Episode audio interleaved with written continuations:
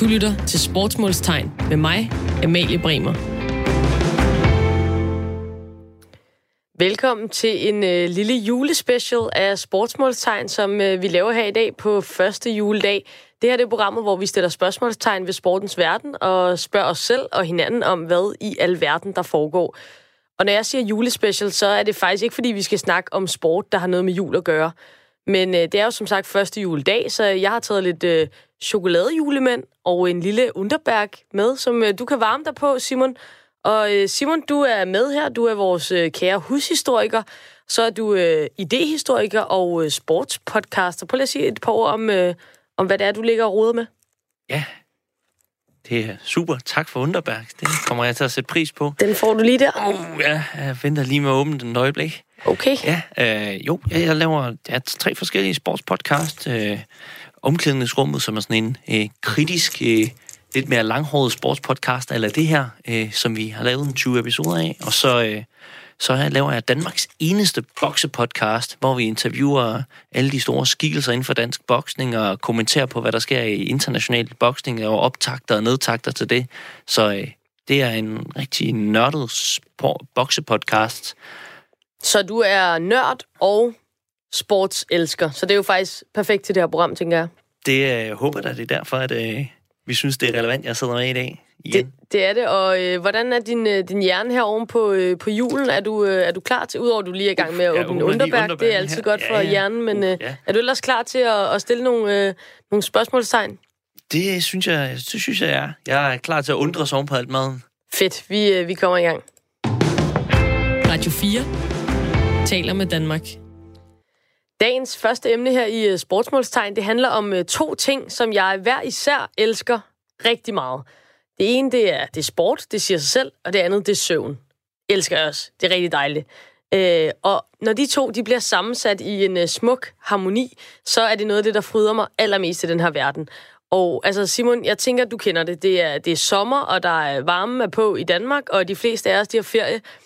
Og det hænger øh, helt uløseligt sammen med sport i fjernsynet. Og der er Wimbledon, og der er nogle gange en slutrunde, og der er nogle gange et OL, men hvert evig eneste år, så er der Tour de France. Og det er en fornøjelse hvert år. Det er nemlig en fornøjelse. Og man, man ligger der på sofaen, man har forsøgt at fange lidt skygge, efter man har været ude hele dagen. Og så går kommentatorerne i gang. Der kommer en summe fra tilskuerne. Der er motorcyklerne, helikopteren og, og rytterne, der ligesom glider hen over asfalten. Og det er, altså er vi enige, det, det er hypnose. Fuldstændig igen. Det er, Der går ikke særlig mange øjeblikke, så bliver øjenlågene helt tunge. jamen det, jeg får lyst til at sige, fornøjelsens monotomi af, af det, der griber mig på en eller anden måde. Og det er jo i virkeligheden det, der, det, der er så fantastisk, fordi at, øh, at, at det er jo, kan man sige, man, man, man, man går i gang med at se Tour de France, så kan man godt lige sove to timer, så vågner man op, men er ikke rigtig gået glip af noget. Nej, det er, det, er, det er nemt, ikke? Og så har man de her øh, ofte velresearchede stemmer, der er gode, gode på tv også, der sidder og synger stille og roligt øh, ind i ørerne, mens landskabet glider forbi. Det er bestemt en fornøjelse, og jeg forstår godt både, øh, at det kan lulle en øh, i søvn og gøre en øh, yderst tilfreds på en gang. Så hvorfor er det egentlig, at øh, man, man, er, man er glad, og man er i gang, og man elsker øh, at se Tour de France, og så alligevel så bliver man så træt. Det kender jeg ikke for særlig mange andre sportsgrene. Jeg sidder mig ned og ser det, og jeg, jeg er sådan helt excited, og altså, så falder man jo ikke i søvn, men det gør man til Tour de France. Så nu, øh, nu skal vi finde ud af, hvorfor det er. Og øh, derfor så har vi ringet til Begitte Rabeck Kornum, som er forfatter og seniorforsker i søvn på Københavns Universitet. Begitte, du er, er med os for at give nogle, øh, nogle svar på nogle af de her spørgsmål. Hvorfor er det, jeg bliver så træt af at se Tour de France? Ja, ja, det er jeg. Øh, ja, hvorfor bliver man træt? Øh, det, det, man, bliver kun, øh, man falder kun i søvn, hvis, hvis man trænger til at sove. Så, så det er kun derude på eftermiddagen, hvor man har været vågen længe, og hjernen begynder sådan at trænge til en lur, at man så kan falde i søvn. Og jeg tror, at grunden til, at det er særlig godt at sove til Tour de France, er jo, at det på grund og grund er, som jeg også lige har sagt, meget monotont, måske endda øh, kunne man fristes til at sige lidt kedeligt, i hvert fald i perioder. Jeg holder også selv meget af Tour de France. Men jeg kender fuldstændig det der med, at man falder i søvn. Her hjemme hos os, der kalder vi det en Tour de France. Man lige tager en Tour de France. Jamen, ja, det sidder er også lige skabet, jo. Ja, altså hvis, ja, hvis man skal falde i søvn, så skal, man, øh, så skal hjernen falde til ro, og man skal have slukket for alt det der aktivitet, for at søvnen kan få lov at, at komme til. Så når man bliver lige så stille øh, lullet, man slapper godt af, man ligger der, øh, så er det nemmere at falde i søvn, og så hvis man trænger til det, så, så gør man det, så falder man i søvn. Men det er jo egentlig meget sjovt, fordi altså, altså, som vi også lige snakker om her, vi, vi er glade for at se Tour de France. Jeg synes, det, det er rigtig spændende. Øhm, og, og man snakker også om, at øh, alt det her med skærme, og når man skal ligge og sove, og man får alle de her input, og så er det svært at falde i søvn. Og så alligevel, når man tænder for en tv-skærm, og der er Tour de France på, så går der ikke særlig lang tid, før man sover. Ja, det er rigtigt, men du falder kun i søvn øh, på de lange, flade etapper, ikke? Du falder ikke i søvn den sidste halve time op af et spændende bjerg. Det er ikke der, man falder i søvn. Man falder i søvn, når der ikke rigtig sker noget. Når man godt ved, at nu kører de bare lige ud næste time, øh, så er der altså, jeg går ikke glip af så meget. Så falder man i søvn. Så det er fordi Tour de France er i lange perioder meget lidt actionfyldt. Så det er faktisk hjernen, der gør sådan en tjeneste og siger, nu sker der ikke noget de næste par timer, så nu kan du lige tage en velfortjent øh, skraber på sofaen. Ja, ja, så slapper den af, og så er der ikke noget, og man, man skal ikke noget, og man har en undskyldning for at blive på sofaen, fordi man ser jo Tour de France. Så, så øh, hvis man trænger, så, kan, så, så kommer søvnen. Den, øh, den er ikke sådan at holde væk, øh, og, hvis, den, hvis den gerne vil frem. Og hvad er det helt præcis, der sker op i hjernen, når vi, øh, når vi bliver så, så trætte, når vi sidder og ser Tour de France? Ja, så det er den, sådan som vores søvnbiologi er, så har man har to områder i hjernen. Et, det som sådan er nede i bunden af hjernen, hjernestammen, som er aktiverende, som aktiverer os og holder os vågen. Og så har man et andet område, søvnkernen, som, som slukker for det aktiverende og får os til at sove. Og hvis søvnkernen skal slukke for det aktiverende, så skal der ikke være alt for meget aktivitet. Så hvis man er meget fuld gang med noget, eller man spekulerer, man er gang i følelserne, eller hvad det kan være, så kan det være svært for søvnkernen at slukke. Men hvis man lige så stille ligger og ser på, øh, og ikke har tænkt over alle mulige irriterende ting, så er den meget nemmere for søvnkernen at slukke for det aktiverende område. Så gør den det. Og er, er, er der andre sådan indvirkninger i forhold til, altså nu snakker du om det her med monotomi, altså, altså øh, den her øh, måske kommentatorernes stemme, eller altså jeg, jeg tænker næsten på det som sådan en hypnose, altså er der andre, udover at man ligger på sin sofa og slapper af, og mange har ferie, hvad, hvad er det ellers, der spiller ind? Altså, så spiller det jo ind, om man ellers er, øh, har fået opfyldt sine behov. Men hvis man er sulten, er det også svært at sove. Hvis man skal tisse, er det svært at sove. Men typisk, hvis man skal sidde og se Tour de France, så har man fået godt styr på de der ting. Man har ligesom ryddet de andre behov af vejen. Så man bare kan sidde og nyde turen og, og, og ligesom kun tænke på det. Og det gør det bare nemmere at falde i søvn, at der er ikke noget, man skal ikke noget. Der er ikke nogen behov. Man skal bare sidde der slappe af og se, og se monoton Tour de France. Og hvad med varmen? Har det nogen indvirkning egentlig? Fordi jeg synes også nogle gange, man bliver jo træt af det der. Altså, jeg tænker på, det, det er jo i sommerferien der. Altså, har, har den der varme nogen indvirkning på hjernen, og, og man bliver træt? Ja, det kan man sige, at det har den i hvert fald indirekte. For det er sådan, at hvis man har det for koldt, så er det sværere at falde i søvn. Okay så bliver man holdt vågen, fordi det er farligt at sove, hvis det er for koldt. Altså, det siger på en måde sig selv. Man må ikke blive for kold. Man må heller ikke blive for varm. Det er også rigtig svært at sove, hvis det er meget varmt. Men sådan en dansk sommer, tilpas varm, så kan kroppen mærke, at ah, det er en god temperatur. Her kan jeg godt falde i søvn. Det er ikke farligt at sove i den her temperatur. Og så, så tillades søvnen. Det er mere sådan, at søvnen øh, tillades ikke så godt, hvis man har det for koldt eller alt for varmt.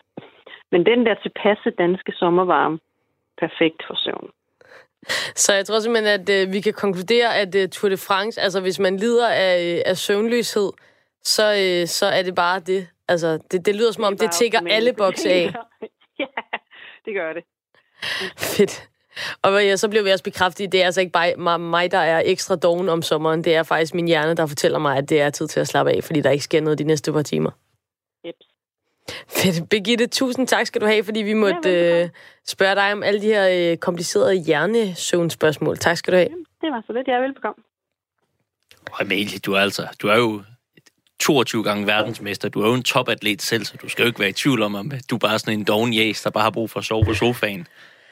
Jamen, det, er det, det er jo meget rart at få bekræftet, ja. at det, det, er jo ikke, det er jo ikke min skyld. Altså, det er jo Tour de France skyld, det er temperaturens skyld, det er min, min, min søvnhjerne, der fortæller mig, at nu er det tid til at slappe helt af. Amalie, du er helt normal.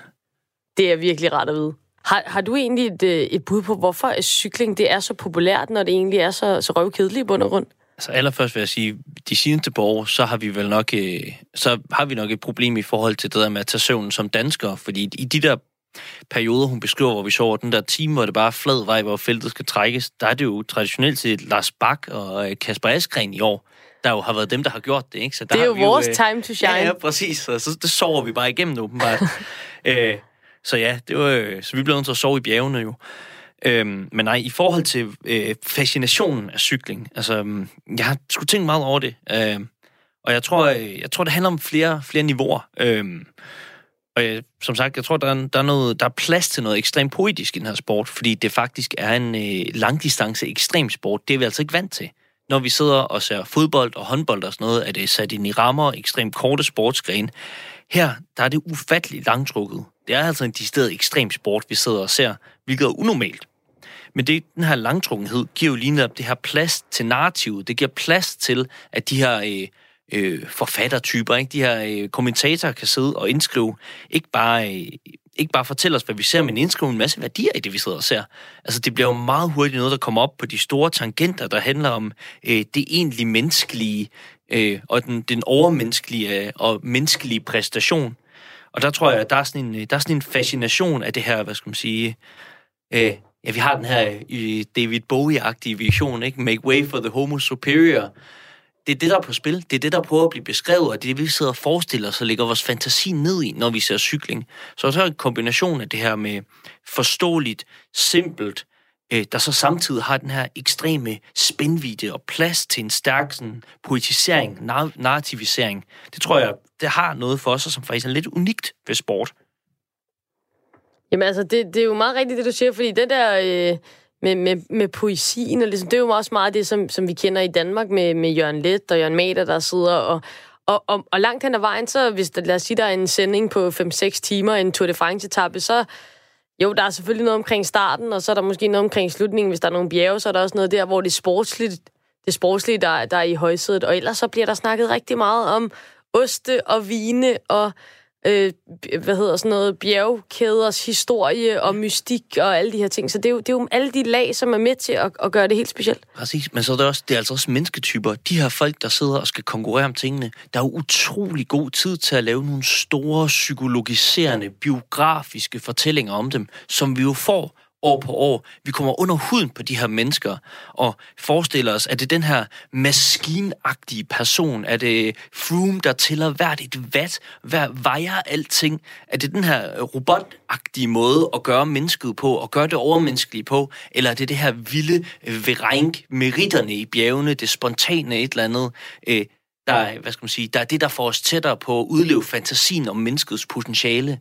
Øh, der tror jeg, der tror jeg, der er, der er, der er et spændfelt, hvor man også sidder og holder, finder nogle favoritter at holde med, fordi man står for nogle forskellige værdier og har nogle forskellige tanker om, hvad der er specielt og unikt i menneskets potentiale. Og det er vel også derfor sådan noget som, som doping, det kan være så ødelæggende for cykelsporten, fordi det, det gør jo virkelig op med al den her mystik, og hvad er den enkelte ryttertype, og hvad kan menneskets fysik klare i aller yderste konsekvens. Men hvis det så handler om, at man har fået spiffet sine røde blodlemmer, eller hvad det nu er, de laver øh, op af, af noget kemi, jamen så, så forsvinder den, øh, den mystik jo. Ja, altså, jeg synes, altså, kernetilfældet, øh, ja, det er jo der jo stadigvæk, øh, hvad hedder han, Tom Simpson, der er jo døde på mange, mange 2, ikke? Øh, måske fordi, at han kom for tæt på det, vi alle sammen ville se det vilde rit, det store, spontane et eller andet, men for at man kunne gå ud over, hvad den menneskelige krop kan præstere, så må man ødelægge den. Ja, det synes jeg, der er noget poetisk og noget vildt i, og det tror jeg, det tror jeg ligger og ulmer, selvom man måske ikke tænker sig direkte over det. Radio 4 taler med Danmark. Jeg er Amalie Bremer, og her i Sportsmålstegn, der sidder jeg sammen med Simon Kivitz, som er vores øh, hushistoriker, og vi undersøger nogle af de ting, der undrer os i sportens verden. Og nu, Simon, der skal vi til en sport, som øh, ofte fylder meget, i hvert fald i vores lille land, i december og, øh, og januar, som vi jo er i fuld gang med nu. Fordi det er nemlig der, der er slutrunder i håndbold. Og håndbold, det er jo her til lands en, øh, en populær sport. Og, øh, og selvom at de holder slutrunde sådan cirka hver anden uge eller sådan noget, så er der jo... Altså, danskerne kan ikke få nok af håndbold. Øhm, men altså, der er et stort problem med håndbold, hvis du spørger mig. Der er simpelthen en, øh, en fejl i sporten. Der er faktisk der er noget galt med håndbold. Håndbold okay. er gået i stykker. Det virker ikke. Øh, og så har man forsøgt at fikse den her fejl ved hjælp af noget djævelsk stas, der hedder Harpix. Mm. Altså, hvorfor er det, at man ikke har gjort bolden mindre, i stedet for, at øh, de stakkels spillere, de skal simpelthen tvinges til at smøre sig ind i klister. Det må være altså, helt vildt nederen, dårligt for ens håndhygiejne. Det er bare, det er rigtig irriterende. Ja, jeg har faktisk øh, jeg har en teori om det. En, en mindre konspiration måske at gå længere tilbage end vikingetiden. Kom frisk, kom frisk. Det er derfor, du er her. Ja, ja. Altså, Harpex, det er jo fossilis- en fossiliseret udgave af det rav. Vi har rigtig meget rav i Danmark. Historisk set har vi ikke været særlig gode til at bruge vores ressourcer særlig konstruktivt. Derfor vi måske har behov for at rejse ud og plyndre og så videre i, uh, senere hen i løbet af historien. Men vi har jo rent faktisk haft rigtig meget af det her rav. Og det har vi ikke kunne finde ud af at bruge til noget. Det har romer... Bedsteforældre bruger det til deres halskæder. Så det meget gør ved jeg. Det. Og det er måske noget, de har lært af romeriet, øh, som rent faktisk kunne bruge det her rav. Øh, så grunden til, at vi har en masse forskellige sådan, øh, romer, romerske... Øh, romerske anti, anti, antifakter, artefakter, artefakter ja. Ja, øh, handler simpelthen om, at vi har altid har haft en øh, kæmpestor handel med rav ned til romeriet, og vi har haft en rigtig god øh, jordbund i Danmark til at bibeholde de her artefakter. Øh, så øh, det, det, forklarer, øh, det forklarer det, men det forklarer også, på grund til, at vi har været dårlige til at bruge det, så opfinder vi så en sport, der hedder håndbold. Og så sidder man og tænker, vi har det her produkt, vi ikke kan bruge til en skid, og romerne, de er stoppet med at handle med os med rav. Så nu tager vi det i den lidt tidligere udgave, og smører vi det ind på boldene. Så har vi noget klassisk dansk, vi bruger til en klassisk dansk opfindelse. Så har vi fået en løsning på øh, øh, vores harpik slash problem. Nu sagde du selv øh, konspirationsteori. Altså, det var, ikke, det var ikke mit ord. Det var jo, det var jo dit ord. Men, ja. men, men Simon, jeg kan lide, øh, hvor du er på vej til at spænde fuldstændig ud af en tangent. Øhm, jeg tænker, at vi skal have en, øh, have en ekspert ind over for at få øh, måske bekræftet den her øh, romeride handelskonspirationsteori, øh, som, øh, som du har ildt over. Øh, Claus Philipsen, du arbejder ved Select og, øh, og er med til at designe de her blandt andet håndbolde. Hej. Hej. Du, øh, du er lige kommet hjem, eller ikke lige, men, øh, men for ikke så lang tid siden kommet hjem fra, fra VM i håndbold i øh, Japan. Og udover at det gik desværre øh, totalt jammerligt for Danmark, hvordan var det så? Jamen, det var, det var spændende øh, at følge øh, de danske, de danske piger. De klarede sig rigtig godt, de to kampe, jeg så det. Desværre så gik det lidt da, da jeg rejste hjem igen, men øh, jeg tror nok ikke, det hænger sammen. Det tror jeg, men, øh, personligt. det tror du øh, men øh, nej, det var, det var sjovt at se, hvad hedder det. Desværre var der ikke så mange tilskuere, som man kunne håbe på, men sådan er det jo nogle gange, når man øh, afholder et VM i, i den del af, af verden, desværre. Og øh, altså, nu ved jeg jo godt, det er jo ikke dig personligt, og der er sikkert alle mulige regler for Dansk Håndboldforbund og Internationale Håndboldforbund osv., men hvorfor er det, at I ikke har designet en bold, altså en håndbold, som spillerne kan holde om, uden at smøre sig ind i harpiks? Øh, jamen, det har vi faktisk også. Øh, vi kom med en bold, der hedder Maxi Grip, øh, for cirka to år siden, som har et øh, fantastisk greb på niveau med Harpex.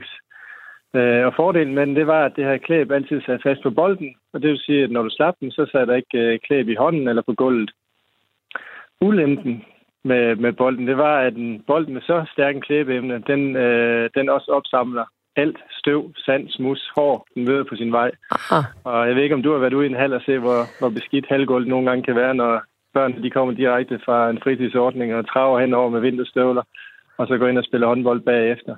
Så det her, altså, det her med, at du kan godt øh, lave en bold, der har et fantastisk klæb, øh, også på niveau med Harpix, ulempen kommer, øh, når den øh, rammer gulvet, hvor der ligger sand og hår og så videre. Så øh, har Harpix en klar fordel, fordi det kan påføres løbende, og derved har du altid et stærkt greb. Øhm, så det er ligesom det er ligesom de udfordringer, der er med at, at, at lave noget andet end, end lige Harpix. Men jeg tænker altså, øh, det, det giver jo super god mening. Jeg har slet ikke tænkt over det her. Den vil selvfølgelig vil samle alt muligt øh, haløjse op og glasskår, og hvad har vi rundt omkring? Du bruger til dit tøj. Ja, selvfølgelig. Øh, men, men når du bruger, har en almindelig håndbold, som de er i dag, hvor at, øh, at spillerne også bruger harpiks, den bliver vel også ret klistret, så samler den ikke også alt muligt øh, ukrudt op? Det gør den også, og du vil også se en bold, der for eksempel er blå og hvid til at starte med efter to måneder, så, noget, så er den næsten sort, hvis du ikke renser den. Mm. Så den samler lige så meget op. Men øh, hvis du lægger mærke til spillerne, så ligger de også lidt harpiks på, øh, på skoen, øh, så de står og kan, kan, hvad hedder det, hele tiden sørge for, at de har lidt i hænderne. Øhm, og de går, når de går ud, øh, hvad hedder det, til pause, så står der også en harpiksbøtte derude, så de påfører det altså løbende i løbet af kampen. Og det vil sige, at ligegyldigt om bolden den optager øh, smus og sand og hår og så videre, så påfører de løbende harpiks, og derved så har de stadigvæk et fantastisk greb i løbet af kampen. Og harpiks har bare et fantastisk greb, det må jeg bare sige. Ja. Øhm, så det giver nogle muligheder i spillet, som man ikke vil have, hvis man ikke har harpiks. Og nu, nu ja, du sagde, at man har harpiks i skoen. Nej, man sætter simpelthen, de tager en klat, og så sætter de det på, på, på skoen på siden, så de øh, Okay. løbende lige kan tage en lille klat op på fingrene. Øh, så man er klar, hvis man ikke kan nå ud på bænken og få noget, få noget mere på. Okay, det var nyt for mig simpelthen. Hvad, men hvor længe har man brugt det her harpiks? Altså er det fuldstændig fra håndboldspillets fødsel, at, øh, at, man, at bolden var på den måde, at man skulle bruge harpiks for at kunne, kunne holde fast i den? Åh, det kan jeg ikke øh, lige huske, men altså øh, i hvert fald en øh, 20 år tilbage har man, har man brugt det, og sandsynligvis også mere. Øh, og det har jo givet nogle ting til spillet, som, øh, som gør, at man kan spille i meget højere fart, og man kan lave nogle, nogle skud og nogle ting, som man ikke ville kunne gøre med en, med en bold uden, uden klæb på. Så, øh, så det, har, øh, det har betydet rigtig meget for sporten. Øh, så øh, jeg er klar over, at der er nogle ulemper med det også i forhold til rengøring og så videre, men, men selve spillet vil tabe en del, hvis man ikke, øh, hvis man ikke anvender harpiks. Og altså, er- er det simpelthen ægte harpiks, man bruger? Ja, det, eller der er både kemisk fremstillet harpiks, og så er der harpiks fra naturtræer. Vi øh, fra Select, vi benytter os kun af harpiks fra naturtræer, fordi, øh, ja, nu bliver det lidt teknisk. Der er nogle syregrupper i, Endelig. Som gør, at, øh, at de øh, bliver opløst af, af basiske rengøringsmidler. Og det er vores overbevisning, at øh, det har de kemisk fremstillet ikke, og øh, derfor er de øh, ofte svære at rense af, et- af et halvgulv. Så, øh, så vi, øh, vi er ret tro mod de øh, to harpiks-typer, vi, øh, vi sælger. Og hvordan, Øhm. altså, hvor, hvor, hvor får I alt det harpiks fra? Men det får vi fra øh, Kina, og så be- bearbejder okay. vi det og gør nogle ting ved det, så de kan, kan bruges til, til håndbold. Så den danske harpiks, øh, den er ikke, er den ikke på er en niveau? Historie, øh, den, øh, jeg vil ikke skyde den helt til. Jeg kan ikke svare på, hvad andre de gør, men øh, jeg kan i hvert fald sige, at vores det er ikke ude fra Vesterhavet, noget, hvor vi har været ude at samle øh, rav op, øh, og så smelte det om. Så desværre, Det vil ellers være ægte, altså en håndbold, dansk håndbold, og så dansk øh, harpiks fra... Det er Øh, ny nordisk på et helt nyt niveau, altså. Men, men det, jeg vil sige, det jo giver mig ideen til et nyt projekt, så jeg skal da prøve at give det videre til, vi har en ingeniør ansat, der måske kan ligge og tumle lidt med det. Ja, det, det støtter vi op om vi i hvert tager fald. kun en 70 procent. Og hvordan, altså, jeg skal bare lige høre, fordi igen, så forstår jeg ikke helt det her med, med størrelsen på bolden.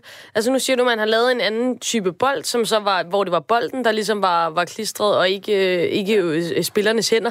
Hvorfor er det, man ikke bare laver bolden lidt mindre?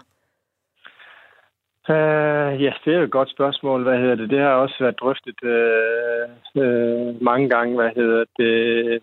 Men uh, ja, uh, det kan, jeg ikke, uh, det kan jeg ikke svare på. Uh, jeg tror egentlig, mange spillere ville gerne have, at den var måske en halv centimeter mindre, og der er ingen spillere. Der er jo nogle, uh, der er nogle diameter, man skal, boldene skal ligge inden for, uh, hvad hedder det, undskyld, omkreds, mm. som boldene skal ligge inden for. Og øh, der er ingen spillere, der, der ønsker, at boldene skal være maksstørrelsen. Altså alle vil have, at de ligger så småt i størrelsen som muligt, og, og faktisk helst lidt under. Men øh, ja, det er jo en problematik, som øh, det internationale håndboldforbund, øh, jeg tror, er nogenlunde bekendt med, men som man ikke øh, rigtig ønsker at gøre noget ved. Nej, det lyder jo næsten helt politisk, fordi jeg tænker, hos Select, ikke, der... øh, altså, selv, en, selv, en, selv en mindre bold vil ikke øh, øh, gøre det for harpiks.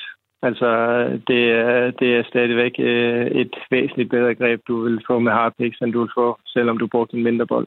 Ja, fordi det, det har måske i virkeligheden andre øh, formål, end bare at, øh, at kunne gribe om bolden, eller? Altså, kan det også bruges i forskellige ja, driblinger, eller hvad ved jeg? Altså, er der andre formål?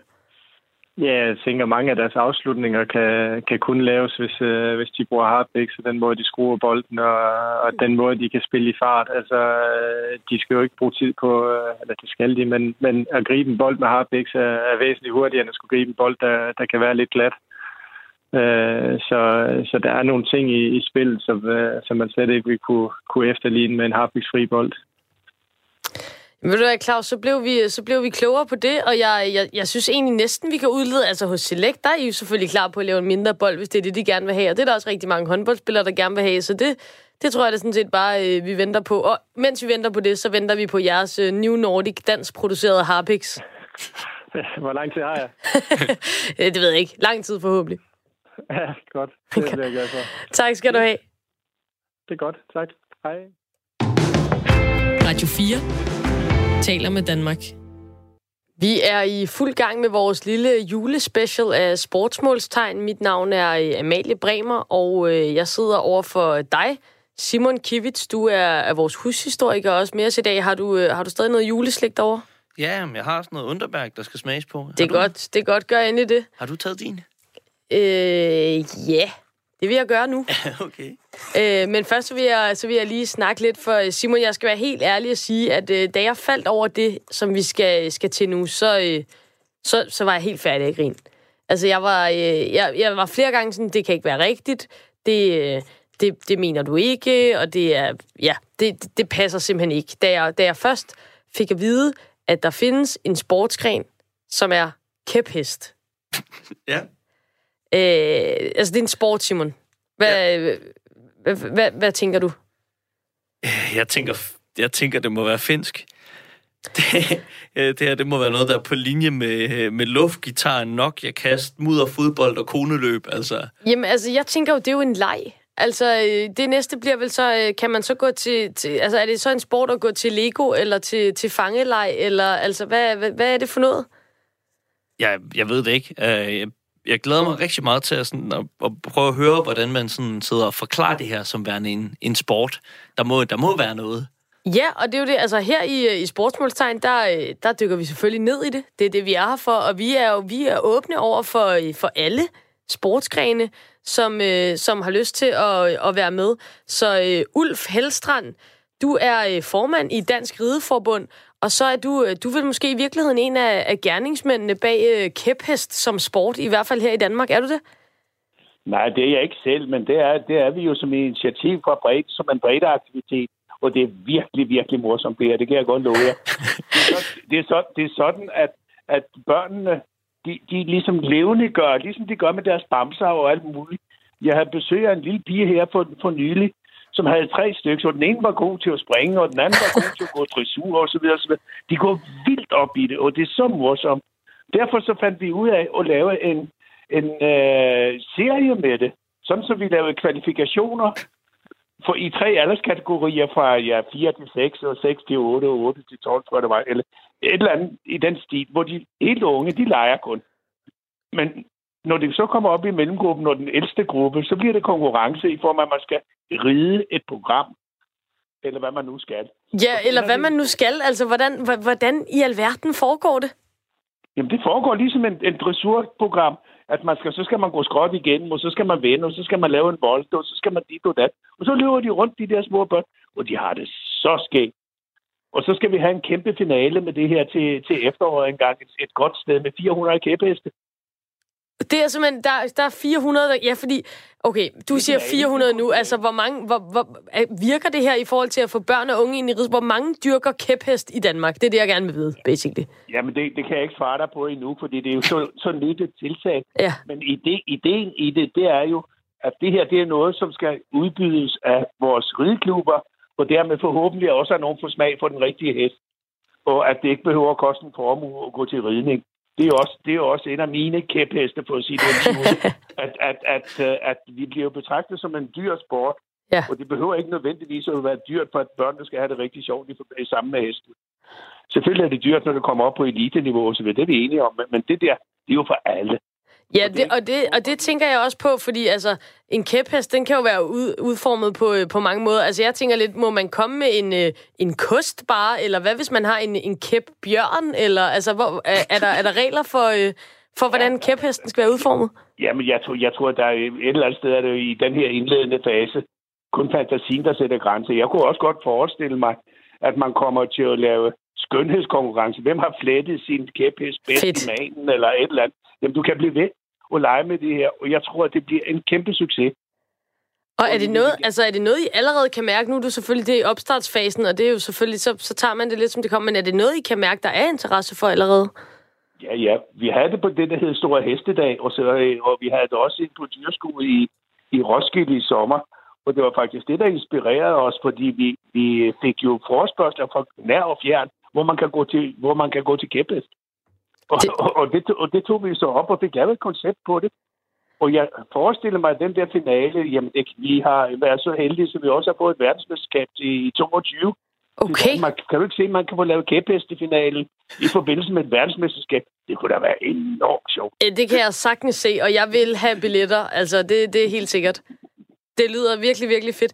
Øhm, ja, sådan mere i forhold til, til, altså, er det sat i system allerede nu i forhold til, nu siger du, der er dressur, og der er spring og så videre. Altså, hvordan foregår det, og får man point, og altså, fortæl lidt Og mere. Du bliver, du, ja, ja, du bliver bedømt, som om det var et dressurprogram. De, de små bliver ikke bedømt. De skal bare lege. Men de kan komme, og der trækker man så lod blandt de små, for der mener vi ikke, at det er formålstjenligt, at der direkte er konkurrence på de der 4, 5, 6 års børn. De skal bare have det sjovt. Og så for at få dem til finalen, så trækker man så lod blandt dem, der har deltaget. Men når de så kommer op i, i de to andre aldersgrupper, som sagt, så skal de ride det, ride det program. Og, og, og det kan jo også give en lettere overgang til det at ride på hest. Ja. Og så har vi fået sluttet cirklen, fordi der rider man jo også programmer, ikke? Og så lærer man, når man lærer de der programmer, selvom de ikke er identiske med dem, man rider. Men man lærer jo at, at huske de her kurver og de her linjer, som man nu skal øh, Ja. løbe igennem. Ja, fordi det er vel meget sådan den tekniske forståelse, det fremmer, tænker jeg. Fordi i forhold til at styre en hest, der forestiller jeg mig ikke, at, øh, at man lige sådan lærer så meget i kæphest. Nej, ikke jo, det kan man da sikkert godt. Øh, men, men, men den må jo ikke, når den skal gå skråt igen, så skal den gå skråt igen, og når den skal lave det, der hedder, den skal gå sidelægsbevægelser, jamen så skal børnene jo gøre det med, med, med, med bagbenene, altså med benene, ikke? Med, altså med deres egne ben. Ja, ja, og Ja. krydse, krydse, krydse sine egne, når de går på sidelæns og så videre. Jamen, du kan lave mange synergieffekter. Du kan galopere, du kan trave, du kan skride. Og, øh, også som menneske med to ben, ikke? Og alle de der ting, alle de der ting får de med. Og, altså, det lyder som om, man kan... Altså, er noget, man ikke kan med kæphest i forhold til, til almindelig hest? Ja, man kan ikke muge under den, tror jeg. Og det tænker jeg er en god ting, faktisk. ja, nej, men jamen, det er jo et eller andet sted kun fantasi, der sætter grænser på, hvad man kan, hvad man kan gøre med den. Det lyder, altså, jeg synes, det lyder mega fedt. Det lyder, som om I har vildt go- mange gode idéer med det også. Jeg tænker, det der med, med skønhedskonkurrencerne og sådan noget, det er da også, altså, det fremmer da kreativiteten, og det, altså, det er da mega fedt. Ja, og hvad for en hest har de største og flotteste øjenvipper? Jamen, you name it. Ikke? Altså, det, jamen, vi kan blive ved at lave konkurrencer i konkurrence. Ja, altså, så dukker de op med en uh, fuldblods uh, rasekæp, og så, fordi de bare har friseret den og gjort den rigtig flot, det tænker jeg, det er da fremragende. Ja, det er da super. Hvordan, øh, altså, hvor kommer det her, øh, den her idé fra? Er der andre lande, hvor at, øh, at kæphest det er stort? Ja, det, det, det, det begynder sådan i, i Nordeuropa at, at blive øh, næsten en disciplin. Okay. Og nu er, vi lidt, nu, nu er vi lidt på forkanten af det her, fordi vi har jo, vi har jo også, det er ikke en skjult dagsorden, men vi vil jo gerne have flere ind i vores rideskoler. Og, og, og der koster det heller ikke en formue at være med, vel som det rygte, vi har. Og får de så snust lidt, fordi det er rideklubberne og rideskolerne udbyder den her aktivitet, jamen så skal de der nogen, der skal der nok blive der, fordi det er jo, ja, det er jo nærmest en øh, soso i, i, for, for, for de fleste piger, dem der øh, med, har med hesten at gøre, ikke? Og så, får vi, så håber vi, at vi får nogen ind den vej. Selvfølgelig. Og, og hvordan, altså nu gættede min, øh, min makker herinde, Simon, øh, havde en idé om, at det var sådan noget, der kunne være kæm- kæmpestort i Finland, for eksempel. Altså, hvad, har du eksempler på nogle lande, hvor at det sådan er brudt igennem? Ja, men det er men i Finland. Okay. Det er det, det, det, jeg kender bedst. Men, men, men det, er jo så, det er jo så relativt nyt, så vi, vi føler os lidt frem. Men vi har mod på det, og vi har masser af idéer, og vi har nogle rigtig, rigtig dygtige mennesker i de her udvalg, som sidder og tænker kreativt på det her område. Og det er vi jo enormt glade for og taknemmelige for, at der findes frivillige mennesker i sporten, for ellers kunne det jo slet ikke løbe rundt. Og hvordan, hvordan udmyndter det så ligesom, at det er større i Sverige og Finland? Altså har de fået hul igennem til, til konkurrencer osv., eller hvordan ser I det? Ja, ja, ja. Det har de. Altså hvor at der sidder dommer og ligesom giver point yes. til, til... Jamen det, det, jamen det får vi også herhjemme. Det koncept, vi har lavet nu, der, Dansk Rideforbund er inddelt i nogle distrikter. Ja. Og der mener, der, og der, dem har vi 13, 14, eller 11, 13 det sidste, som er et distrikt. Det, det er jo så at sige, de 12 stykker. Lad os sige det. Mm. Der regner vi med at have to kvalifikationsrunder kæphest i hvert distrikt. Og så en finale efter det. Så, og, og det, starter, det starter nu her i går. Det bliver super sjovt. Det lyder fuldstændig fremragende. Har du været ude og se noget i nogle af de andre lande, eller er det... Altså, hvordan... Jeg har også set det herhjemme, Ja. faktisk, fordi vi havde vi, i 2013, der, men det var jo så ikke en konkurrence, men det var en opvisning. Der havde vi Europamesterskabet øh, i både springning og dressur i Herning. Okay. Og, og i en af pauserne der, så havde vi en kæpheste kvadrille, som det hedder, hvor der var en masse, masse, masse af dem inde samtidig, ikke? Som så går sådan en opvisning, eller hvordan? Ja, ja, så hopper de rundt derinde og følger hinanden, og nogle, ja, ja, op fra midten og ud til siden, og jamen, de har det så sjovt, og de går højt op i det. Det lyder, det lyder så fedt. Hvad, tænker du i forhold til det her? Nu, nu snakker vi nogle gange i det her program om, sådan, hvad der skal til for at, øh, at kalde ting en sport. Hvad tænker du, når I sidder inde øh, hos Dansk Rideforbund, sådan i forhold til, hvad, hvad er en sport? Altså, kan kæphest for eksempel blive en, en rigtig i gås og en sport? Jamen, det tror jeg godt, det kan. Men det vigtigste for mig, det er jo, at øh, børnene kommer ud og bevæger sig, og så vil vi jo gerne have den ind i den organiserede øh, sport også. Og, og, og det, det kan være en af måderne at få dem ind på, så, det bliver, så de kommer til at, at dyrke deres sport under, under nogle rigtig ordnede forhold, og specielt i vores sport omkring sikkerhed og alle de her ting, så, som, som, vi, som vi er nødt til øh, at tage meget alvorligt selvfølgelig. Ikke? Og, og, og det kan de så lære den vej, og så kommer de ind via rideklubben, jamen så er de sikre, at det bliver den rigtige vej, de kommer ud og lærer det her. Ved du hvad, Ulf, det, øh, det var fuldstændig forrygende at, øh, at, at høre dig om, øh, om kæphest. Jeg, jeg håber, det bliver en kæmpe succes. Jeg kan næsten ikke forestille mig andet med, med det engagement. Det lyder så sjovt, og, og, jeg, og så vil jeg også bare lige sige, når, når der kommer EM eller DM i kæphest, så kan du, kan du regne med mig og Simon på tilskuerpladserne. Præcis. VM Kæphest du hvad? 22. Jeg, jeg, jeg, jeg tror også, I skal komme til, til, til VM i 22, så. Jamen, det vil vi da meget gerne. Vi laver Det er en lille udflugt. I 22. Vi ses. Det gør vi. Hej. Hej. Okay, jeg er altså helt op at køre over det her kæphest. Det, Altså, altså, det kan jeg godt forstå. Altså, jeg nu kan se- hænger vi på hinanden i to år. alle Sådan de samme udviklingsmuligheder, som Ulf han kunne. Ja. Det er jo bare, altså, i gang med pyntesygen på de her kæpheste, og så bare dressur og spring og alt, hvad man kan lave. Altså, jeg synes, det lyder helt fremragende. Ja, øh, jeg, jeg sidder, sidder ja, altså det er fantastisk at høre. Det er jo sportsidealerne, han også øh, kommer til at give udtryk for til sidst. Ikke? Altså, der er sådan en, en værdi om, at der er et element af sundhedsfremme i det, og de skal have dem ind i forening. Ikke? Altså den her demokratiske og den her fællesskabsdannelse, der er i at få, få folk ind i foreningsarbejdet med det samme. Så altså for mig i virkeligheden, det er jo de to vigtigste ting i forhold til sport, live, whatever you wanna call it. Så det synes jeg, det er super fedt at gå på med det. Men Ja, okay, nu er det selvfølgelig, nu lader man som om det er en hest, og ikke en bjørn eller et eller andet, men jeg sad lidt og tænkte på sådan noget, hvis, hvis det ikke er i en relation til en reel hest, er man så ikke tættere på sådan noget rytmisk gulvgymnastik i virkeligheden, det burde være inde under? Jo, det kan du mene, men så er det jo igen, altså, det er jo de, de samme øh, mønstre, som han siger. Altså, nu ved jeg ikke så meget om dressur heller, men altså, hvis der er nogle særlige mønstre, så skal man gå skråt, og så skal man springe her, og så videre. Altså, så, så er det jo på en eller anden måde Ja. det samme, bare Ja, med bare en, med en en, selv, en kæp skal- i stedet for en, en hest. Og en selv, der skal imi- imitere hesten. Jamen, det, er, det er fantastisk. Og øh, med det så blev vi klogere på kæphest.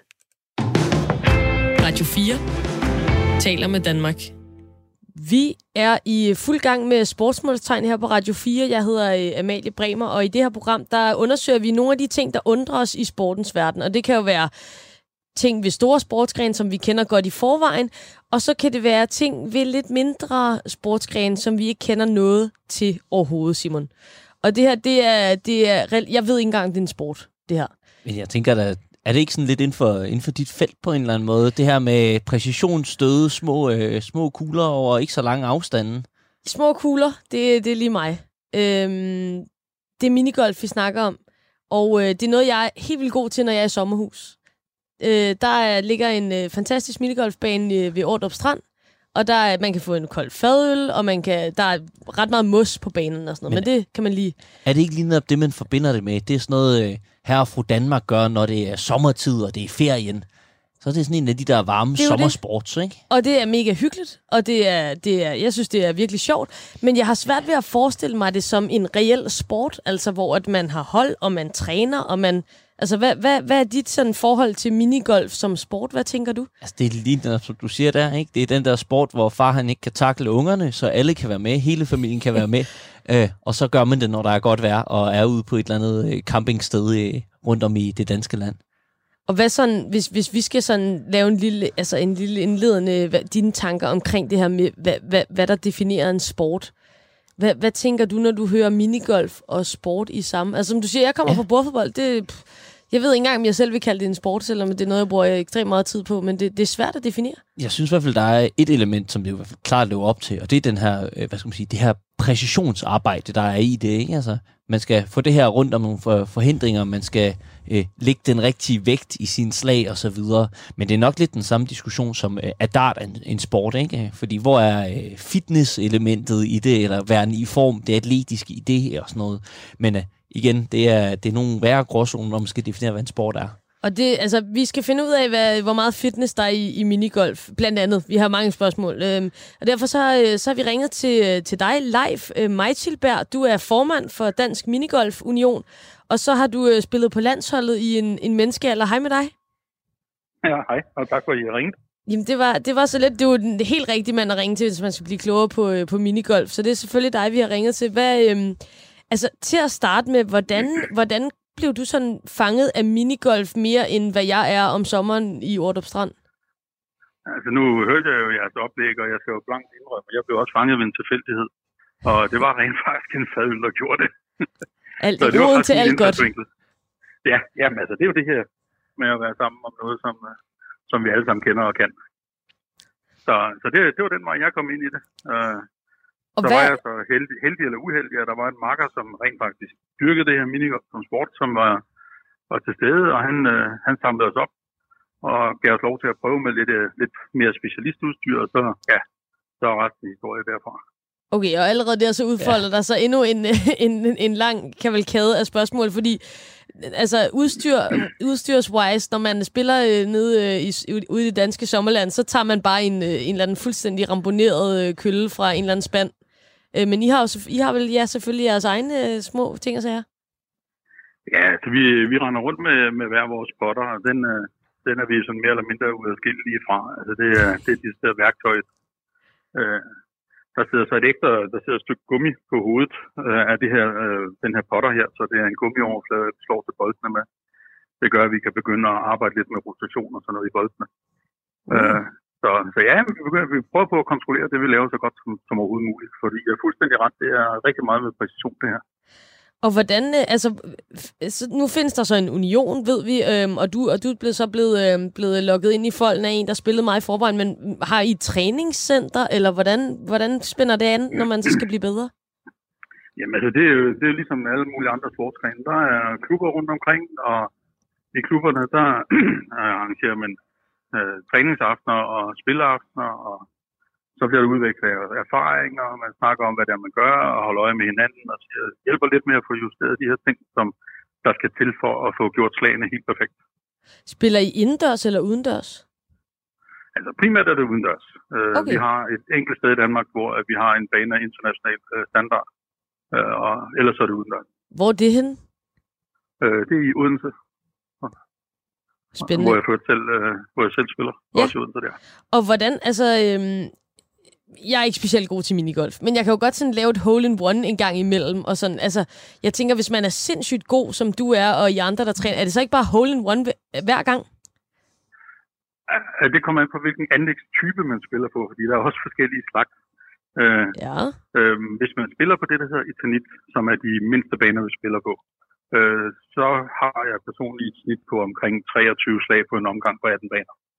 Okay, det er så også rimelig stabilt. Der, der, er forholdsvis, der er forholdsvis mange 18 huller, eller hullemunder, ja. det er. Og Det det er er simpelthen underlaget, du snakker om her, der er en særlig Ja, type. det, det er underlaget, ja. Og hvad, hvad findes der andre typer underlag?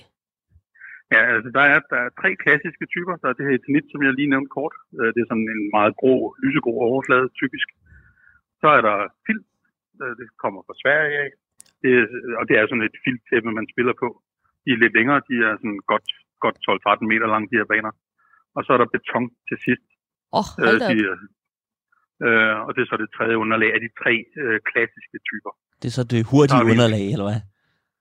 Ja, de, de triller forholdsvis hurtigt, alle de her underlag her. Øh, øh, så så det, det, det fører den typiske fejl, man gør, når man kommer ud som, øh, som publikumspiller. Det er, at man går ud, ikke, og så slår man jo hårdt til bolden, for den skal ned i den anden ende. Ikke? Men i realiteten skal det bare, er... Man, skal egentlig bare tage lidt til den, så triller den hele vejen derned. Ikke? Der skal ikke så meget til. Er det de samme bolde, man bruger på alle tre underlag? Øh, jeg er nødt til at sige ja, men når jeg nu siger, at jeg har sådan små, små 600 bolde i min personlige samling og vælge Ja, tak. mellem, ja, tak. så, så har jeg lidt at vælge imellem, og det, det er jo så ud fra den samling, jeg vælger, hvad jeg vil spille med på den enkelte bane. Gør, altså, er det hver enkelt... Øh, altså, at der er ikke en, en kugle, man skal spille med til den enkelte turnering? Der tager man simpelthen bare sin egen med? Ja, der findes, enkelt, der findes nogle turneringer, hvor man er tvunget til at spille med specifikt, øh, en specifik bold. Men kan man komme du- med en badebold og bare... jeg har faktisk en minigolfkugle, som man kalder for en badebold. Der tænker jeg, at man kan lige så godt gøre det nemt for sig selv, jo. Ja, ja, ja, ja, de har, de har kælenavn, mange af dem. men, ah, man kommer nok lidt til kort, hvis man vil spille konkurrence med en badebold. Klart, klart, det giver mening. Men du har et dybt, dybt øh, individualiseret forhold, eller personificeret forhold til din bolde, altså med, med kaldenavn, og meget bevidst om, hvad det er for en bold, du bruger på hvilke baner, eller hvordan skal jeg forstå det her? Ja, jamen det, det, det er helt rigtigt. Altså, øh, en typisk minigolfspiller, som starter, starter ud med et sæt på 10-15 bolde i den størrelsesorden. Øh, og det er som en investering for små 2.000 kroner, så er man godt i gang. Øh, Okay. Og så der starter man stille og roligt, og så lærer man dem at kende, og så får man rent faktisk et rimeligt øh, koncentreret forhold til det, fordi jo længere tid man spiller med det, jo bedre bliver man til at kontrollere dem. Øh, og så opbygger man så efterhånden en samling, som man kommer ud og spiller på andre anlæg, hvor der er andre behov, og så, så bliver det til flere og flere. Og, og banernes udformning, vi var lidt inde på underlaget, jeg synes jo noget af det, der er fantastisk ved at spille minigolf sådan rundt omkring, det er, så er der sådan en, øh, så er der sådan en mølle, øh, du ved, der står og drejer rundt, og der er en lille trapbro, man skal hen over. Måske er der et lille springvand, hvis det går virkelig vildt for sig. Er det også på konkurrencebanerne, de er også lavet på den måde? Altså, det, øh, vi har ikke nogen bevægelige forhindringer. Øv. Øh, ja, men det er egentlig ud fra betragtning af, at man skal kunne kontrollere det, man laver. Ja. Og lige så snart der kommer noget bevægeligt i det, så bliver det en tilfældighed, der afgør det. Og det, det er ikke det, sporten går ud på. Det er præcision, som I rigtig nok sagde til at starte med. Den her, den her evne til at kontrollere, hvad der skal ske. Men nu, nu, Så, sagde, ja. ja. nu sagde du også tidligere, at, øh, at I primært dyrkede som en udendørssport, men det kommer vel også til at, ligesom at, at så er I trådt ud altså i, i naturens elementer her. Hvad gør det så for et, for et spil, at øh, man skal hvad skal man sige, lave det her præcisionskontrolleret arbejde i forskellige Ja. og vejrforhold? Ja, altså nu nævnte jeg jo før, at, vi havde en, jeg, at jeg personligt havde en masse bold. Øhm, de her bolde, de, de gør jo forskellige ting. De, de springer med forskellige højde. Altså hvis man slipper den fra, fra en bestemt højde, så er der forskellige returhøjder. Øh, de har forskellige vægt, de har forskellige hårdhed. Overfladen er forskellige på dem. Nogle er ru, nogle er, hvad hedder det, lakeret. Øh, og så, øh, og så ja, vægt noget, jeg også har nævnt. Og Mm. alle de her ting her, dem kan vi, dem kan vi påvirke. Øh, man, kan, man kan gøre, de er lavet i, i, i gummi, så hvis man varmer sådan en, sådan en gummibold op, så bliver den hurtigere. Øh, og det vil sige, at den begynder at, re- at reagere mere, for kan man, køle, man kan også køle den ned, så begynder den at reagere langsommere, og så begynder man at snakke indfaldsvinkler, udfaldsvinkler, og ja, og, det bliver Og det er en vid- jamen, det- på det her. Det er fremragende, det er fantastisk, men det, altså, men det tænker jeg også, hvis man er ude at spille, og det blæser helt vildt meget, for eksempel, så tager man vel så en tungere bold, så den ikke reagerer så meget på vindforholdene, eller hvordan? Altså, det vil være en fordel, ja. Og hvordan, hvordan varmer du de her bolde og køler dem af igen? altså, øh, altså det, det kommer igen an på, hvem man er. Øh, En gammel rev render måske kun lige rundt med bold i, i en bukselomme. Alternativt, så tager man den lidt tættere på kroppen ved at smide den ned i en, en, i en sok og lægge den ind på bukselindingen, og så kan du komme helt ind til kroppen til sidst, og så har du sådan lidt forskellige varmegrader efterhånden. Så må vi, øh, så må vi drømme os til resten. Det er virkelig stærkt, men det, det lyder også som om, at der er, der, der er jo selvfølgelig også udvikling i, det der er jo inden for alle sportsgrene, det er der selvfølgelig også inden for, for minigolf, så det er vel alle, alle de små marginaler, der bliver taget i spil efterhånden. Ja, det er det, er det 100 procent. Altså, øh, øh, alle kan stå med den rigtige bold, men hvis ikke den bliver præpareret rigtigt, så kan den risikere at være værdiløs. Øh, og man, øh, typisk så lærer spillerne af at kigge på andre spillere for at se, jamen, hvad, hvad sker der rundt omkring. Og hvis ikke man lige får de sidste finesser med, jamen, så kan man risikere at investere uden at kunne få noget ud af det i den sidste ende.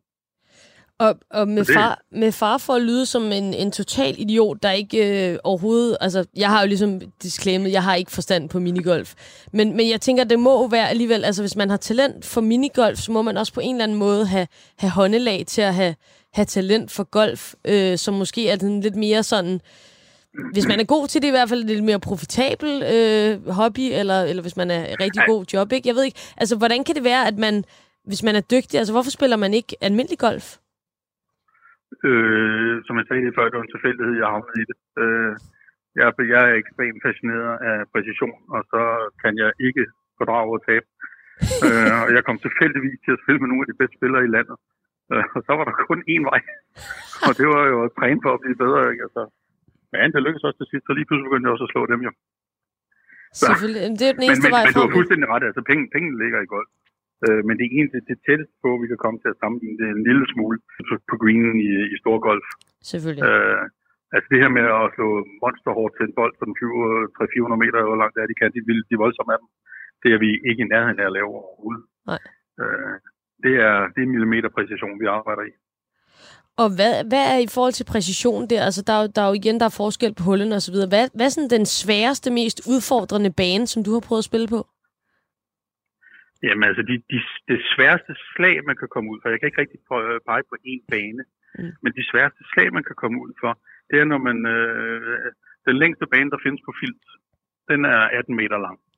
Okay. Øh, og hvis man står der 18 meter væk fra, fra hullet, og skal have den til at passere hullet, og man ved, at banen den har en hældning til, til enten venstre eller højre, så skal man til at lægge spind i bolden, og, og kontrollere mængden af spind i bolden, når den kommer ud på 18 meter. Det er delme svært. Det lyder voldsomt. Og jeg, jeg tænker også, det er lidt unfair, når man lokker en masse minigolf-spillere til, og så laver man bare en kæmpe lang bane alligevel. Så det er jo ikke, det er jo det, der ikke så mini. Det fede, det, det fede det er jo, når det lykkes, ikke? Ja, det er selvfølgelig Altså, det er jo rigtigt. ligesom, hvis man skyder, ikke, og man rammer det der bullseye, eller, eller ja, jeg- vi sidder faktisk ved siden af til dart lige nu. Øh, og det, altså, når man rammer det helt rigtigt, og man får den der, den der forløsende øh, fornemmelse af, at det hele går op i en, en, en højere enhed, det, det er sgu fedt. Selvfølgelig. Og, øh, og når, man så, øh, når man så står derude, øh, som mig og, og Simon her i sommerlandet, så, så spiller man jo gerne øh, minigolf sådan med den der fuldstændig håbløse øh, kølle i den ene hånd, og så med en, med en fadøl i den anden. Hvordan øh, må, I gerne, må I gerne drikke øh, fadøl eller alkohol generelt, når I spiller? Nej, det må vi ikke. Øh, der, er, der er alkoholpolitik, der er rygepolitik, der er ordensregler, der er alle de ting, der hører til inden for en sportsgren. Det har vi også. Så på den måde, der er det jo ligesom alle andre sportsgrene. Fuldstændig. Der er ikke nogen forskel. Det starter, det starter med, at vi alle sammen er sammen i, i foreningen, der eller klubben, hvor vi nu er, ikke? og hygger os, og så går det jo forbi det her med at spille og konkurrere mod hinanden i klubben. Man begynder at konkurrere i landsdelen, man ender at spille øh, et landsdækkende stævne, komme op til DM, øh, så findes der landshold, og vi spiller nordiske mesterskaber, europamesterskaber, verdensmesterskaber. Europacup har vi også. Den skal føre til Champions League nu. Meget fancy. Og hvordan, hvordan Så- er Danmark Så vi har det hele. placeret? Altså, er vi gode? Jamen, øh, jeg var så privilegeret at være med til at spille ude i, øh, i Kina lige nærheden af Shanghai her i oktober til verdensmesterskaberne. Det spilles hver anden år. Og øh, der kom vi ud som øh, nummer 5, øh, og det er vi ganske godt tilfredse med. Det er da også Så- øh, rimelig så det- det fantastisk. var ikke Hvorfor hører man ikke om det, altså? Danmark nummer 5 til VM, så er det da, øh, det, det skal vi da vide, altså. Hvis det var curling, ikke, så havde det blevet den helt store Det er det. historie. Hvad jo. er det for noget? Ja, jeg ved ikke rigtig. Der, det, det er lidt med opmærksomhed på små forbund. Vi er ikke så store. Nej, det er Det, det. øh, det er curling før heller ikke, der vi er så nogenlunde lige store. Øh, men, øh, men ja, det er det der med små forbund. Men ved du hvad, er Leif, øhm, nu har vi i hvert fald gjort vores her, og du har gjort dit. Tusind tak for at gøre os mega meget klogere på minigolf. Det var helt fantastisk. Tak for Ja, det. men øh, jo, tak for det. Tak. Radio 4 taler med Danmark. Så er vi ved at være færdige med vores øh, lille julehyggeudgave af øh, sportsmålstegn. Jeg hedder Amalie Bremer. Over for mig der sidder øh, Simon Kivits, vores hushistoriker, idehistoriker og sportspodcaster. Simon, vi har været vidt omkring i dag. Hvad, hvad, hvad, altså, vi har været omkring, hvorfor man falder i søvn til Tour de France, og der har været noget harpiks, håndbold, så har der været kiphest. Altså, hvad, hvad, hvad, hvad tager du med dig? Jeg tænker især, at kiphesten, den, er, den har gjort lidt ved mig, synes jeg. Ja, jeg må, øh, jeg må jo ærligt indrømme, at øh, nej, jeg kommer nok ikke selv til at øh, gå op i at dyrke det, eller gå op i at se det, men øh, jeg synes, det er skønt med mange forskellige åbninger ind i, øh, ind i sportskultur, og ind i, at, ja, ind i at være aktiv som, øh, som et ungt menneske. Og øh, det var sådan set øh, alt for i dag. I kan øh, skrive til mig på Twitter. Mit handle det er Amalie Bremer. Hvis der er noget inden for sportens verden, der undrer dig, det kan være øh, større emner, en helt sportsgren, du ikke forstår, eller øh, måske mindre ting. Der er ikke noget, der er hverken for småt eller for stort til, at, øh, at vi kan undre os over det herinde. Og så vil jeg egentlig bare ønske dig fortsat god jul, Simon. Tak, og fortsat god jul til dig, Amalie. Tak skal du have. Lyt med igen på næste onsdag kl. 20.05, hvor vi undrer os videre i sportsmålstegn. Vi lyttes ved.